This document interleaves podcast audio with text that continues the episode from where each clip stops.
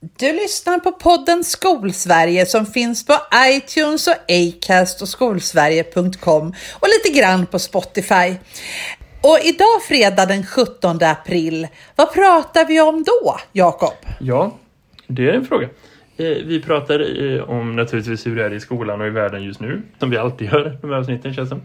Eh, men vi pratar också lite grann om eh, statlig styrning, ansvarstagande, vad man har för roll som huvudman. Alltså de här vanliga frågorna som vi brottas med i skolan, men som verkligen ställs på sin spets i tider just nu. Eh, och också lite med inslag av så här, vad finns det för fortbildning och vad får lärare för fortbildning på det här området? Det skulle jag säga en sammanfattning. Det här är Skolsverige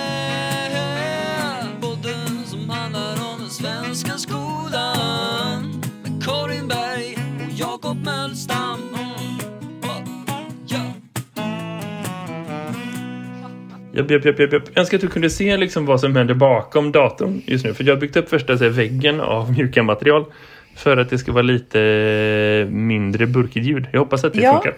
Det vet inte se. jag. Jag har inte byggt om. Jag har bytt rum. Det här är ett eh, annat rum än vad jag brukar vara i. Mm. Ja. Men det brukar vara mer jag än du som har problem med det. För jag sitter ofta i mitt kök och det är liksom fint. Men det är lite dåligt eh, ur ett det är jättetrevligt att sitta här och prata med folk faktiskt. Men det är inte så trevligt att spela in saker, har jag insett. Efter 200 någonting avsnitt, inte alla inspelade i mitt kök, men, men eh, fler än, än vad man kanske tror. Okej, okay. eh, Karin, det är eh, fredag eftermiddag. Hur är läget då? Åh, hur är läget? Läget är att jag jobbar så mycket, Jakob. Jag jobbar så mycket. Jag vet aldrig. Och jag, det finns liksom inget avläge längre. Det har gått så långt. Men jag var väldigt ledig i påsk, jag ska säga det. Eller ja, i fyra dagar var jag ledig. Men jag, mm -hmm. den här veckan har jag varit på jobbet klockan åtta, gått hem klockan åtta. Alla dagar. Ja, Ja. Herregud. Nej. Trivs med det? Eller ja, jag, jag, ser inte att jag har något alternativ. Och, då, och då är det liksom någonstans så. Då får det vara så. Jag tänker att jag reflekterar inte på det, förutom igår kväll, för då var jag så trött. Eh, så att jag tänkte att det här är nog inte så bra. Det här mm. är nog inte så hälsosamt. Alltså man är olika mm. som person till person. Men, men jag har insett att så här, för jag har haft det så i många år. Att jag har jobbat ganska mycket, mycket extra projekt, mycket mm. vid sidan om och så. Eh, för att det är kul, för att jag verkligen tycker att det är det viktigaste som jag håller på med just nu i mitt liv, mm, liksom, mm. mitt jobb. Eh, så, och därför så har jag satsat ganska mycket på det på bekostnad av min mm. hälsa på olika sätt. Men eh, jag har också insett att här, jag klarar inte fysiskt av det mer än i korta perioder. Eh, så. Vi hade kanske tre, fyra sådana veckor innan påsklovet och det var nice. Men jag har också jobbat ganska mycket sen lovet med att liksom hitta tillbaka till, eller under lovet, hitta tillbaka till, okej okay, vad är mitt normalläge? Mm. Så. För att det här kommer hålla på ett tag. Och om jag bara säger för mig, eh, det är inte liksom... Från 8 till 8 hade inte funkat så bra för mig om jag bara hade gjort jobb och grejer. Eh, Nej. Men jag har börjat göra lite andra saker också för, som är lite relaterade, men inte riktigt.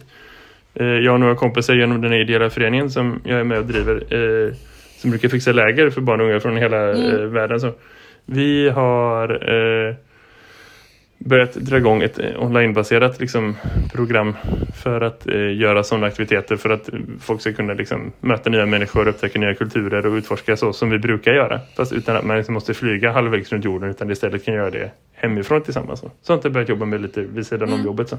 så det blir ju ganska långa dagar med jobb fast liksom volontärjobb och andra projekt och bara det av, avbrottet gör faktiskt att det känns som att jag ändå har det lite lugnare än vad det var ja, innan lovet. Liksom. Jo, och jag förstår det. Och jag, jag, ska, jag, jag valde till exempel att inte åka in till jobbet idag av den anledningen.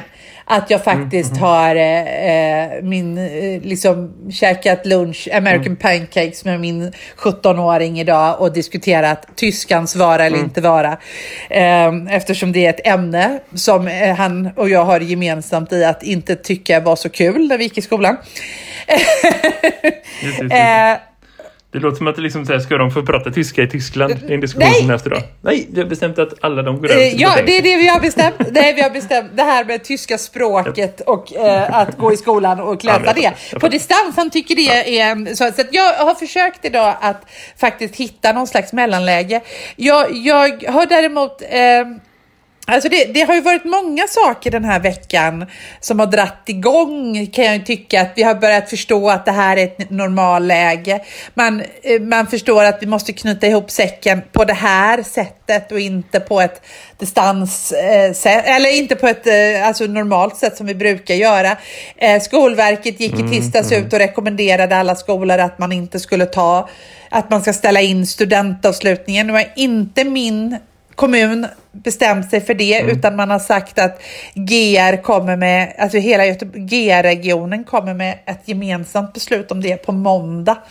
Så då får vi se vad man mm. beslutar om det. Uh, det är väl väldigt bra med tanke på gymnasie, alltså mycket att liksom, gymnasiesamordningen ligger på regionsnivå i, här runt omkring eftersom folk åker mellan kommuner. Jag är oerhört glad för det faktiskt. Det är jättebra. Jag är faktiskt väldigt, väldigt glad för ja, det. Verkligen. Jag bara hoppas att, för att det har varit väldigt förvirrat kring just den frågan. För att eh, i tisdags mm. så gick eh, Skolverket ut och slog på stora trumman och sa att nu stänger vi. Eh, nu, vi ställer in eh, och eh, vi ställer in studentavslutningen och Stockholm med en gång ställde, också, mm. ställde då in efter den rekommendationen, för det är ju så det har gått till liksom.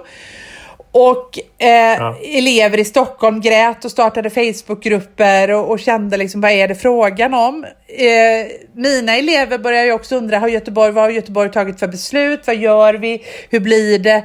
Och vi har ju haft lite planer ja. på studenten och funderat på alternativ och, och sådär. Eh, och vi blev ju också väldigt förvirrade över den skarpa rekommendationen som, som, som Skolverket ändå gick ut med. För att jag menar, jag tror att alla skolor har förstått att vi inte, eftersom det är förbjudet att samla mer än 50, har vi förstått att det här kommer ju inte att bli lätt liksom. Eh, men, men, men sen eh, så, så kom ju idag i eftermiddag kom ju, förtydligade Skolverket det en gång till och sa att eh, Eh, de tycker att det är väldigt viktigt att skolorna ser till att ordna någon form av någonting för eleverna. Eh, mm. Något alternativ och då mm. är det ju inte, för att när man säger att ställ in, då, betyder, då, då är ju signalen det blir ingenting. Mm. men säger man att ni måste ändå ordna någonting, då kunde de väl ha sagt det i tisdags kan jag ju tycka. Men, men det är olika liksom behov. Jag tror så här, om man ska sätta det i ett sammanhang, att liksom, nu har vi hållit på med det så pass länge att folk börjar tappa lite moralen för det här. Ja. vet, folk är fortfarande ute på stan, jag ser gamla människor varje dag som inte fattar ett skit av vad de egentligen borde göra. Jag, såg, jag berättade ju för dig häromdagen för att så är vår kommunikation med att vi pratade om bland annat danska kungahuset. Ja. Jag visade en bild för dig att drottningen fyllde 80 igår. Ja. Eh, och då var det liksom en bild på någon så här slottsplan någonstans och så här står det liksom typ sju personer med tre meters mellanrum. Så. och eh, det bara ser ut som världens tråkigaste fest. Och kanske den mest svenska festen som någonsin arrangerats i Danmark om vi ska vara sådana. Men eh, ändå liksom så. Eh, eh hon gick också ut och höll ett tal. Eh, så här, Drottningen av Danmark har inte hållit ett tal förutom nyårstalet sedan andra världskriget. Det händer inte. Nej. Inte alls. Det är liksom, om drottning Elisabeth är restriktiv så är hon mer restriktiv. Mm, mm, så det var jättestor grej. Och i princip var det så här att hon bara på danska liksom skällde ut folk för att de inte tar det på allvar. Mm. Eh, och fan ta er som har fester och som firar och som liksom umgås i sånt då. Mm, mm, ja, hon svor väl inte, men i princip. Eh, så, mycket som man kan göra om man är drottning av Danmark. Eh, och, och, det där tror jag är liksom ett likadant problem i Sverige någonstans. Att så här, folk har lite grann, du vet så här, man ställer upp och är beredd i början för man tänker att det kommer bara gälla några veckor. Men sen när man inte fattar det mm. så, så behöver man liksom eh, från kanske säga statligt håll vara lite tydligare. Mm. För det, hela den här frivillighetsgrejen bygger ju på att folk ändå följer rekommendationer. Mm. Mm. Så då kanske det finns en poäng av att man säger väldigt, väldigt tydligt eftersom det är en samhällsdiskussion som är ganska stor just nu kring just studentexamina. Mm. Kombinerat med att man kanske i styrningen av gymnasieskolan har varit lite otydlig i vad man får och inte får göra. Vet säga, men kom in och ha lite prov. Och... Ja. ja. Det, det ger mig ju den att det finns en gråzonsperspektiv och då ser man direkt att folk säger, jo men studenten, jo men det kanske vi borde liksom så. För många skolor kan inte säga nej. Mm. Och då kanske det finns en poäng av att man kommunikativt säger ändå så här, nej, det här är svart. liksom så. och, och sen när man liksom efter ett par dagar mm. med flit, kanske man till och med tänkt ut från början, att då säger man så här, jo men gör något annat. Men det är fortfarande svart som gäller. Liksom. Är du med? Jag har så Eh. jättesvårt att se att det är eftertänkt. För att ingenting Nej. har varit genomtänkt i den här, alltså på riktigt. Det behöver inte vara, det behöver inte vara liksom planerat. Men det kan ändå finnas en fördel med det. Ja, du men jag, ja, jag kan förstå det. Eh, men det finns vissa saker som de borde ha sagt i tisdags. Eh, till exempel den här anledningen. För att eleverna kommer ju till mig då. Jag fick ju sätta mig och tänka en bra stund innan jag förstod. Vad är, för att grundskolan är ju öppen. Du har ju fullt med elever. Och där får man samlas fler än 50. Varför skulle inte klasserna kunna få komma in? Eh, varför kan de inte få åka 30 personer på ett flak? Det finns en massa sådana där frågor som då väcks hos unga människor. Som, och vi ska liksom verkligen, jag vill verkligen understryka det här att det här är en övergångsrit som är viktig för oss som land.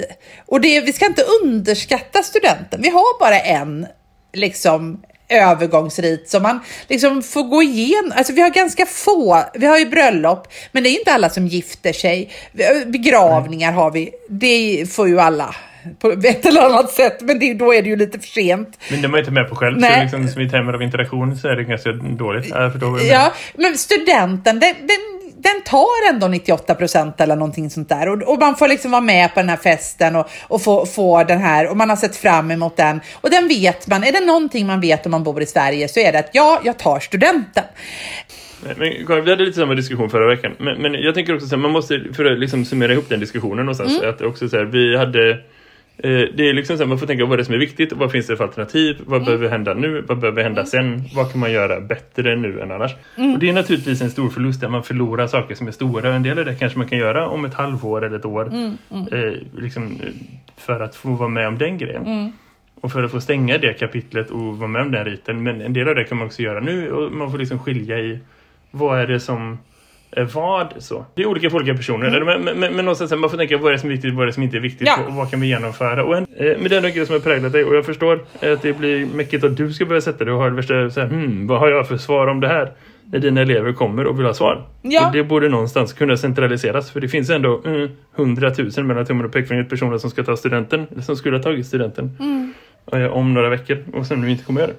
Nej men precis. Och, och jag tänker att det är liksom sådär när, när, när vi kommunicerar på det här sättet och, och det blir eh, Eh, nu är jag väldigt glad att just det här beslutet har man ändå tagit på allvar och säger att nu gör, i, i, i min region så har man ändå sagt att här, nu tar vi det beslutet på GR-nivå. Det är jag väldigt glad över. Men det finns väldigt många andra beslut den här veckan och det är väl det den här veckan har präglats av. Att dels har jag tröstat studenter, alltså treor och jag har bara sagt att jag är på er sida. Vad ni vill kommer jag att, att slåss för. Liksom. Eh, Jag, men jag har verkligen visat dem att vi, vi bryr oss om er och vi vill att ni ska få ett så bra avslut som möjligt. Eh, men sen är det ju den andra saken som man har slagits om och det är ju all den här delegeringen som sker neråt till oss lärare som i väldigt, väldigt svåra, väldigt, väldigt avgörande likvärdighetsfrågor som ingen egentligen vill ta ansvar för. Um, Nej. Man kan ju fundera på det, hur mycket av det är det som är liksom saker som har varit fel med skolsystemet sedan tidigare och hur mycket av det är det som har kommit fram i det här liksom. Eh, Så. Ja, jag tänker att jag skojade med dig. Det här hade vi inte på podd, men innan podden spelades in så skojade jag med, alltså vi träffades borta på, på vårt eh, Göteborgs mest stängda café som förmodligen nu är helt stängt och helt eh, borta. När vi satt där och, och det var liksom, det här är vecka 10, kanske vecka 11, alltså innan skolorna stängdes så skojar jag och så sa jag att jag slår vad med dig om att det kommer att bli så här att, att eh, eh, man kommer att stänga skolan och så kommer man säga att det är upp till varje lärare att lösa det här. Och då så sa du nej, de måste ha en plan och jag bara ah, okej. Ja, och så sa vi det måste ju ändå finnas någon plan. Och så pratade vi om det en stund och så, och så kände jag bara så här, ja det är klart att det måste. Det är bara jag som är bitter. Ja, har de någon plan tycker du? Våra myndigheter? Många saker är det ju ändå saker som kommer fram eh, där det finns liksom en samordning, där det finns eh, en stödstruktur som är eh, långt mycket bättre än vad vi sett förut. Ett sånt exempel är hela det skola hemma-initiativet och liksom de partnerorganisationer som finns där och så. Ja. Det är ju ändå ett arbete som, som man måste säga har levererat en hel del. Eh, så. Oh! Särskilt om man tänker på att liksom, eh, det är ett sätt att laga och reparera att många huvudmän och liksom hela den, den formella skolorganisationen som finns i Sverige inte tar sitt ansvar. Så. Att man måste ge ut liksom planer på så här, hur, hur gör man när man sätter upp en, en effektiv distansundervisning för hela gymnasieskolor eller för delar av grundskolor för att folk inte kommer till skolan just nu. Det är, det är ju ett sätt att, att laga något som någon annan inte tagit ansvar för, eller hur? Så det, det är liksom både ja och nej. Är faktiskt Eh, på den ja, och det är verkligen sant. Alltså utan skola hemma den, så vet jag inte hur det här hade gått om jag ska vara ärlig. Alltså, eh, eller, utan, eller vet jag inte hur mitt liv skulle ha sett ut. För att då hade jag inte ens fått bekräftat för mig att så här är bra att tänka, så här är, är dåligt att tänka. Eh, för att man, man, har ju, man går ju och grunnar på det här hela tiden. Vad är, I början så var det ju väldigt viktigt att göra korta avslutande uppgifter som, de kunde känna, som eleverna kunde känna sig trygga med att de hade fått gjort något och jag kunde känna mig trygga att det blev eh, blev något gjort. Och det eh, bekräftades ju på skola hemma att så ska man tänka. Men, men så, och nu har det utvecklats och man börjar tänka mer asynkront, kan man bygga långa uppgifter. Och då finns det andra människor som de har pratat med, forskningspersoner och sånt som vet mer, som finns där att läsa om.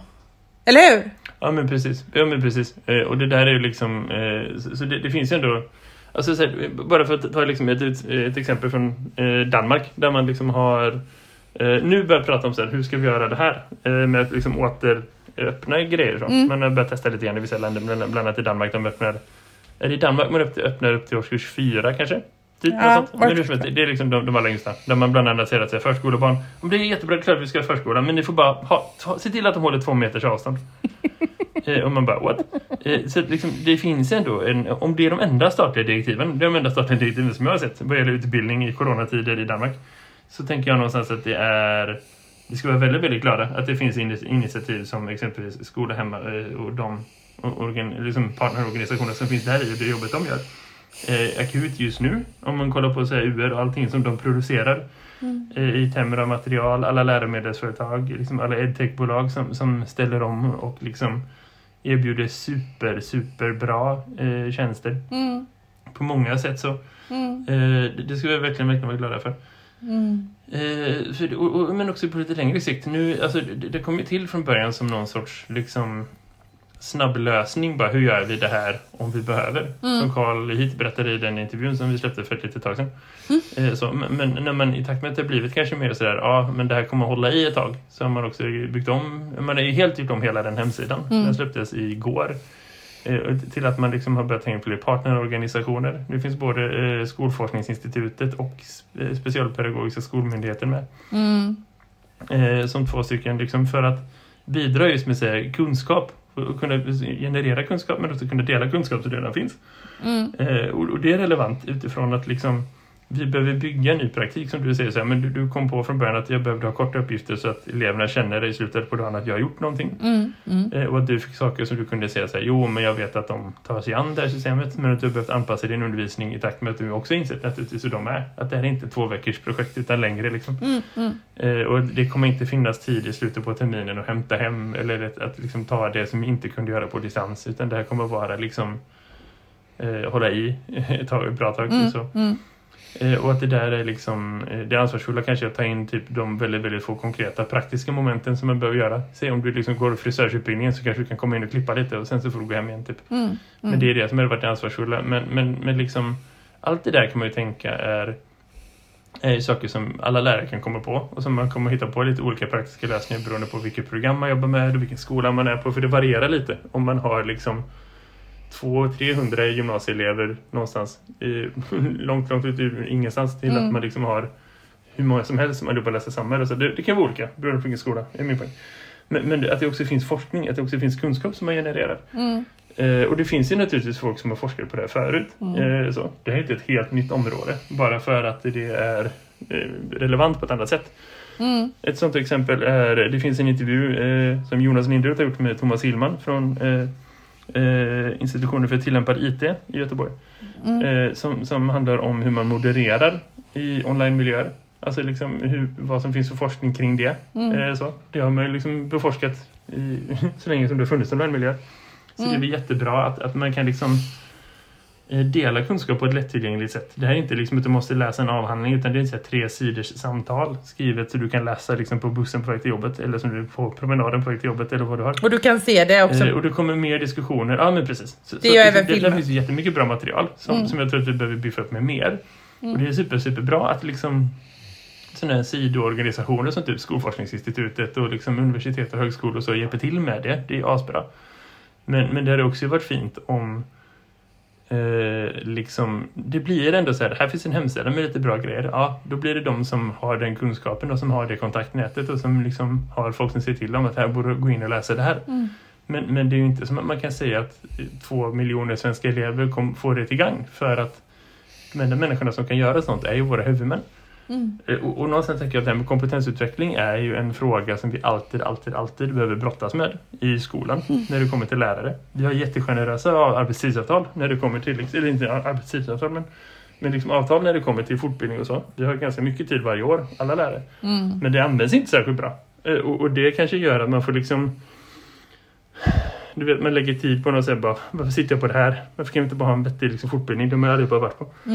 Eh, eller liksom att, att man snålar in som fan. Det bara, okej men nu ska vi diskutera och prata om det här och det är så här, om det kommer in någon som kan någonting en gång om året så är man så här, oh, oh här är det påkostat. Oh.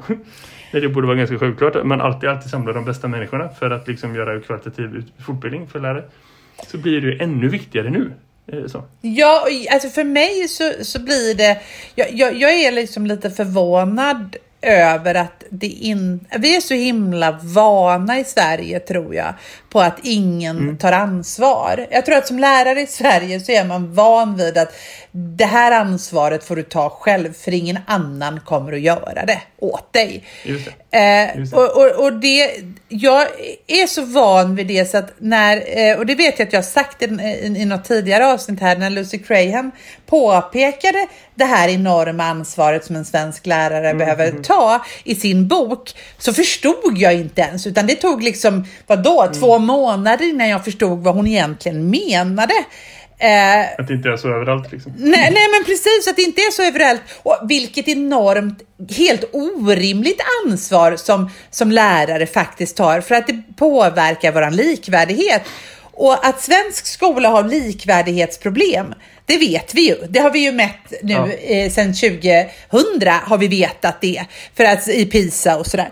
Eh, och jag är liksom lite förvånad över, för att det man verkar inte förstå från Skolverket eller från politiken och utbildningsdepartement och sånt där håll är ju att när man säger någonting att eh, när man liksom ger en rekommendation från Skolverket eh, eller från, från eh, politikens håll att nu ska skolorna stänga.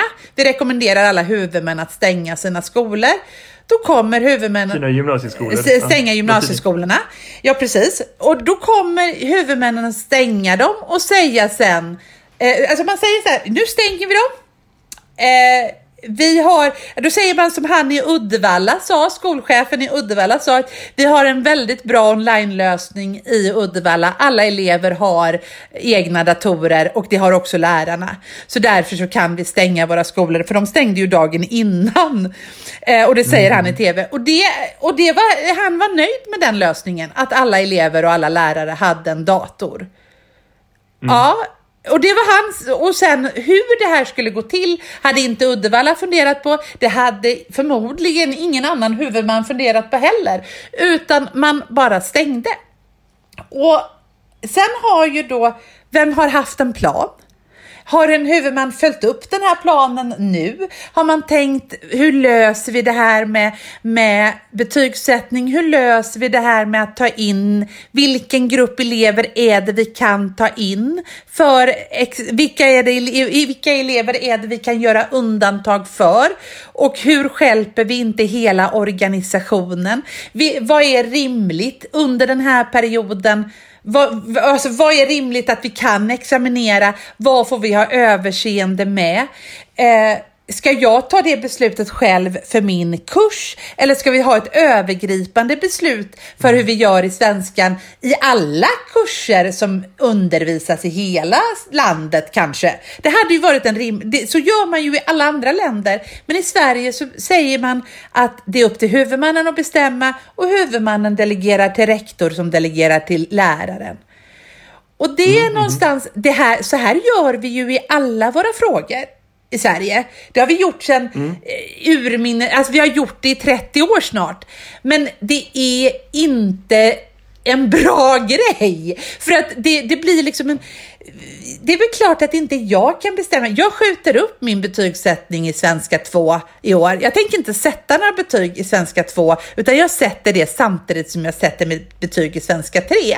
Jag har ju fått den delegationen att jag kan ta det beslutet. Är det är det likvärdigt? Såklart inte. Kan... Om du gör det med inte din kollega, är det bara du som bestämmer det själv? Jag fattar inte. Nej, men alltså, jag, jag, kan ju jag kan ansöka om det hos min rektor mm. och så kan min rektor besluta det. Men inte min kollega, för min kollega anser att han, han, han klarar att sätta betyg. Mm. Eh, det skulle kunna se ut så. Jag vet inte. Eh, nu, nu kommer vi... Och det är specifikt för gymnasiet för att ni bedriver undervisning på distans. Ja, Karin, det där låter ju helt rubbat. Alltså helt ärligt. Det låter ju verkligen som att det är så här, om vi hade likvärdighetsproblem förut så blir det inte bättre av det här direkt. Nej men det blir ju inte det och jag, jag, kan ju tycka så här att det blir lite som att varje, alltså det, om vi ska ta, det till en ytterlighet så skulle det vara som att, att vi sa att ja, eh, att liksom Smittskyddsinstitutet sa att ja, eh, människor som jobbar med coronapatienter behöver skyddsutrustning. Varje sjuksköterska ansvarar själv för att eh, avgöra vilken typ av skyddsutrustning som hen behöver och dessutom får den ansvara för att köpa in den. Eh, liksom, det, det, är väl ungefär samma typ av ansvar som... Borde inte den liknelsen i så fall vara typ vilken vård man ska ge till patienter? Typ? Jo, att säga, det är upp till varje läkare själv att avgöra lite om man tycker verkar bra. Ja. Ha det gött, hej. Ja, men absolut. Och, och någonstans så, så, så, handlar ju inte det här om att man vill sänka... För mig handlar inte det här om att jag vill sänka nivån, utan jag vill att vi gemensamt tar ansvar för vilken nivå som är rimlig. Vilken ram, vilket ramverk är rimligt att hålla oss inom just nu. Det behöver vi kollektivt ta ansvar för. Jag Verkligen. kan inte själv ta ansvar för det. Du kan inte själv ta ansvar för det. Utan det behöver vi ta på, på nationell nivå. Och det är jättekonstigt. Det är verkligen inte någon, alltså, tala om någon, någon sänkt eh, nivå. Alltså det är inte en lägre nivå att sätta, vi sätter betygen nästa år. Eller liksom med de som vi kan så skjuter vi upp. Eller vi börjar inte sätta betyg på någon som inte slutar nu. Det är väl, inget, det är väl absolut inte frågan om att ha en lägre nivå som inte bara ta ansvar för en bra kvalitet. Liksom. Eller hur? Då måste man verkligen fundera på vad är det man mäter? Vad är det som är liksom en framgångsrik utbildning? Mm. Är det att få betyg varje termin genom hela systemet? Eller är det att få bra eh, liksom betyg som visar var du ligger till så att du kan anpassa dig och utveckla dig vidare? Det är ju det någonstans som är meningen med betygen ändå, förutom de när man slutar i grundskolan, när man slutar i gymnasiet. Så, eller hur? Eller hur? Och, och, vi behöver liksom någonstans ta ansvar för det glapp som blir i årskurs 9 till årskurs 1. Eh, alltså den, det kommer ju bli, det kommer ju ha blivit någon, det kommer ha hänt någonting där. Vi vet ju inte ens om vi faktiskt undervisar på distans till hösten. Vi har ju ingen aning, det kanske är så. Genom hela skolsystemet är det såklart. Ja. Det där är liksom, eh, vi måste det är en grej som vi, vi behöver lite mer längre sikt. Vi har pratat mm. om det förut. Mm. Eh, lärare behöver ha det, men framförallt våra liksom, organisationer behöver ha det. Våra huvudmän behöver ha det. Ja. Man behöver liksom, och det, det är inte ens att ha så mycket, mycket längre sikt. För liksom, vad är normalt i andra halvan av april? Jo, men det är ju att allt fokus utvecklingsmässigt ligger på nästa läsår. Det är ju det. Mm. Mm. Att sätta liksom antagningar, att sätta elevgrupper, att sätta organisationer, att göra risk- och konsekvensanalyser, att liksom mm en ansvarsfull rektor har en tjänstgöringsplan liksom, klar vid det laget mm. för vilken personal man behöver och vart det finns och så. Mm. Eh, och liksom vad man vill satsa på, hur man vill utveckla, hur man vill organisera. Det där är ju liksom det är ju vårt gamla normalläge. Om vi vill tänka att liksom, vi vill växa med den här situationen och vi vill att det kommer ut starkare på andra sidan så måste vi ju ändå kunna upprätthålla någon sorts liksom, nivå just nu och det då tänker jag att liksom det, det, är lite den långsiktigheten som vi behöver ha som saknas någonstans. Vad är det som är nästa steg? Vad finns liksom framåt? Så? Ja, och... det, det, det, måste vara viktigare. Det här är som vi pratar om nu. Hur ska vi bedöma det här? När kommer det? Det är bara att bestämma. Det är bara okej, okay, men vi har kört så vidare nästa. Vi har liksom inte tid att lägga mer tid på de diskussionerna helt ärligt. Nej, och det blir ju helt absurt om vi ska ha det på varje skola, på varje, i varje individ. Ja. Alltså det är ju någon som ska bestämma det bara och så gör vi så. Alltså jag skiter i vad vi gör, bara att vi gör lika någorlunda inom mm. ett visst fönster, inom en viss ram. Sätt den ramen för guds skull. Ja. Det, det är liksom så. Ja. så. Så kan jag släppa den frågan och sen koncentrera mig på att göra så jävla bra distansundervisning jag bara kan. För det är ju det jag egentligen borde ägna min, min tid åt. Eh, eller så. Ja men precis och det där är också liksom ett, ett organisatoriskt ansvarstagande att om man tänker att för att må bra som professionell person överhuvudtaget så måste man få gräva där man står. Det gäller ju alltid men särskilt just nu. Ja. Alltså, hur, hur, hur mår man bra som lärare i tider av kris? Jo men det är ju att få vara en bra lärare och få ja. vara en bra lärare för de eleverna man har framför sig. Ja. Det är det som, som vi gör att vi mår bra men det är också det som gör att vi bidrar på allra bästa sätt. Ja. Och för att det ska funka så behöver det finnas en bra stödorganisation runt omkring. Mm som liksom kämpar lika hårt för oss som vi kämpar för eh, alltså de vi jobbar med någonstans. Mm. Som verkligen värdesätter det arbete man gör. Om man menar allvar med, med värdesätter lärares arbete då visar man ju det som eh, liksom eh, förvaltningschef, som utvecklingsledare, som politiker, som någon Skolverkets GD. Liksom så. så visar man det genom att liksom ge allt man kan för att ge bra förutsättningar att liksom att, att, att fokusera på det som man är bra på. så. Mm. Då kan vi inte ha system som bygger på att man bara skjuter, skjuter bollar vidare. Och det har varit så lite för länge och det blir absolut så i den här situationen också. Att man liksom man säger så här, det där får varje huvudman bestämma. Nu rådar vi hem det här, nu fixar vi det här, det får ni göra. Och varje huvudman säger, ja, det får ni bestämma på olika skolor och många rektorer skickar vidare. Särskilt kanske på, på liksom i stora förvaltningar som våra så, så kanske det är liksom så att man skickar det vidare, vidare, vidare, vidare, längre, längre ner. Mm. Och så fattas det beslut som inte är i synk med varandra eller som inte är särskilt professionella faktiskt eh, på det sättet. Det där är himla tråkigt eh, och mm. det eh, ja, och jag... är inte så svårt egentligen att lösa. Alltså, det, det, är bara att man bestämmer lite mer gemensamt. Så. Eller hur? Man, man kanske skiter, det där är vad jag känner någonstans som mm. inte är liksom superbyråkraten mm. utan som kanske är lite mer pragmatisk. Men skit i vad som står då. Skit i vilka regler som finns. Vi behöver inte diskussioner omkring så förordningar fram och tillbaka utan bara nu gör vi så här. Mm tillbaka till den här diskussionen. Vet du egentligen vad det här landar i? Eh, det är fantastiskt. Eh, det som du pratade om i början på den här inspelningen om liksom Skolverkets rekommendationer kring studentavslutningar. Mm. Gör sånt lite mer, fast med kanske lite viktigare diskussioner, kanske lite ja. fler diskussioner. Ja. Men nu gör vi så här, nu gäller det här, det gäller så. Ja. Ta lite mer sådana ansvar, vi rekommenderar det här. Så att vi kan komma vidare då. För är det någonting som det är, även om det är kanske är otydligt och det är lite pinsamt att man får gå tillbaka och och liksom reparera ett par dagar senare för att man inte riktigt sa som smarta saker. Så är det ändå liksom ett exempel på ledarskap. Ja, men då tar man i alla fall ansvar för, för en situation för att man sitter på ett, på ett högre mandat. Och sen så ska det inte behöva vara så att man ska behöva känna, för jag känner verkligen en sån enorm tacksamhet över att jag har just den, de rektorerna jag har som faktiskt tar lite ansvar. Att jag har fått en rekommendation på bara min skola. Jag ska inte behöva känna att det Alltså, när, när, jag ska inte behöva känna en tacksamhet för det, utan det ska ju bara vara själv. Jag ska inte behöva liksom, åh, vad fantastiskt. Jag har en rektor som faktiskt tog ansvar för vår skola. Det, det skulle ju vara... Det, alltså, om man också tänker in i hur det är att vara rektor, man ska inte behöva få den bollen läggande på sitt skrivbord. Nej! Alltså, någonstans är det så här, om, om att, rektor, att vara rektor kanske är Sveriges sämsta jobb för att det är extremt mycket ansvar och extremt lite liksom, befogenheter. Mm. Då kanske man i alla fall kan bestämma lite så här, okej, okay, men så här, mm. hjälp era rektorer då. Ja. Precis. Gud vad du är klok Jakob. Du fick mig att inte vara så arg. Jag har varit arg hela veckan. Jag har näst, alltså haft sånt adrenalin hela den här veckan. Uh, jo men det blir naturligt att det är så. Naturligtvis. Mm. Att man, man fastnar i sådana grejer för det är pissdåligt. Men om vi ändå ska försöka liksom landa någon annanstans i det här samtalet. Ja. Vad har du lärt dig den här veckan? Uh, ja. Ja, jag vet vad jag har lärt mig och det lärde jag mig faktiskt av en journalist Eh, på ett roligt sätt. Eller han påpekade en rolig sak. Eh, nämligen mm så här att jag skulle beskriva hur vi jobbade på distans och en utvecklad distansundervisning och vilka slutsatser vi har dragit av elevernas enkäter och lite sådär. För vi har gjort eh, undersökningar om vad som funkar och inte funkar och lite så eh, på vår skola. Och, mm. och så förklarade jag bara att det här är ett arbetssätt som fungerar, så här kan man tänka, så här skulle man kunna göra digitalt med det här och det här. Så säger han efter en stund att Men det här är ju egentligen inte så svårt rent tekniskt och digitalt som det är komplicerat pedagogiskt. Mm. Och jag bara, ja, precis. Så är det ju. Det här är ju inte, det är ju inte så att vi håller på med värsta här. För att när man pratar digitaliseringen och skolan, det är ju inte high tech. Det är ju inte så att jag sitter och programmerar någon jättesvår logaritm någonstans, bla bla bla, eh, på något jättehögt mm. avancerad nivå. Det är ju inte, det är inte tekniken som är det svåra, utan det är ju den pedagogiska, det är ju där jag använder min kompetens. Det har jag mm. blivit stärkt i den här veckan i alla fall. Vad har du lärt dig den här veckan?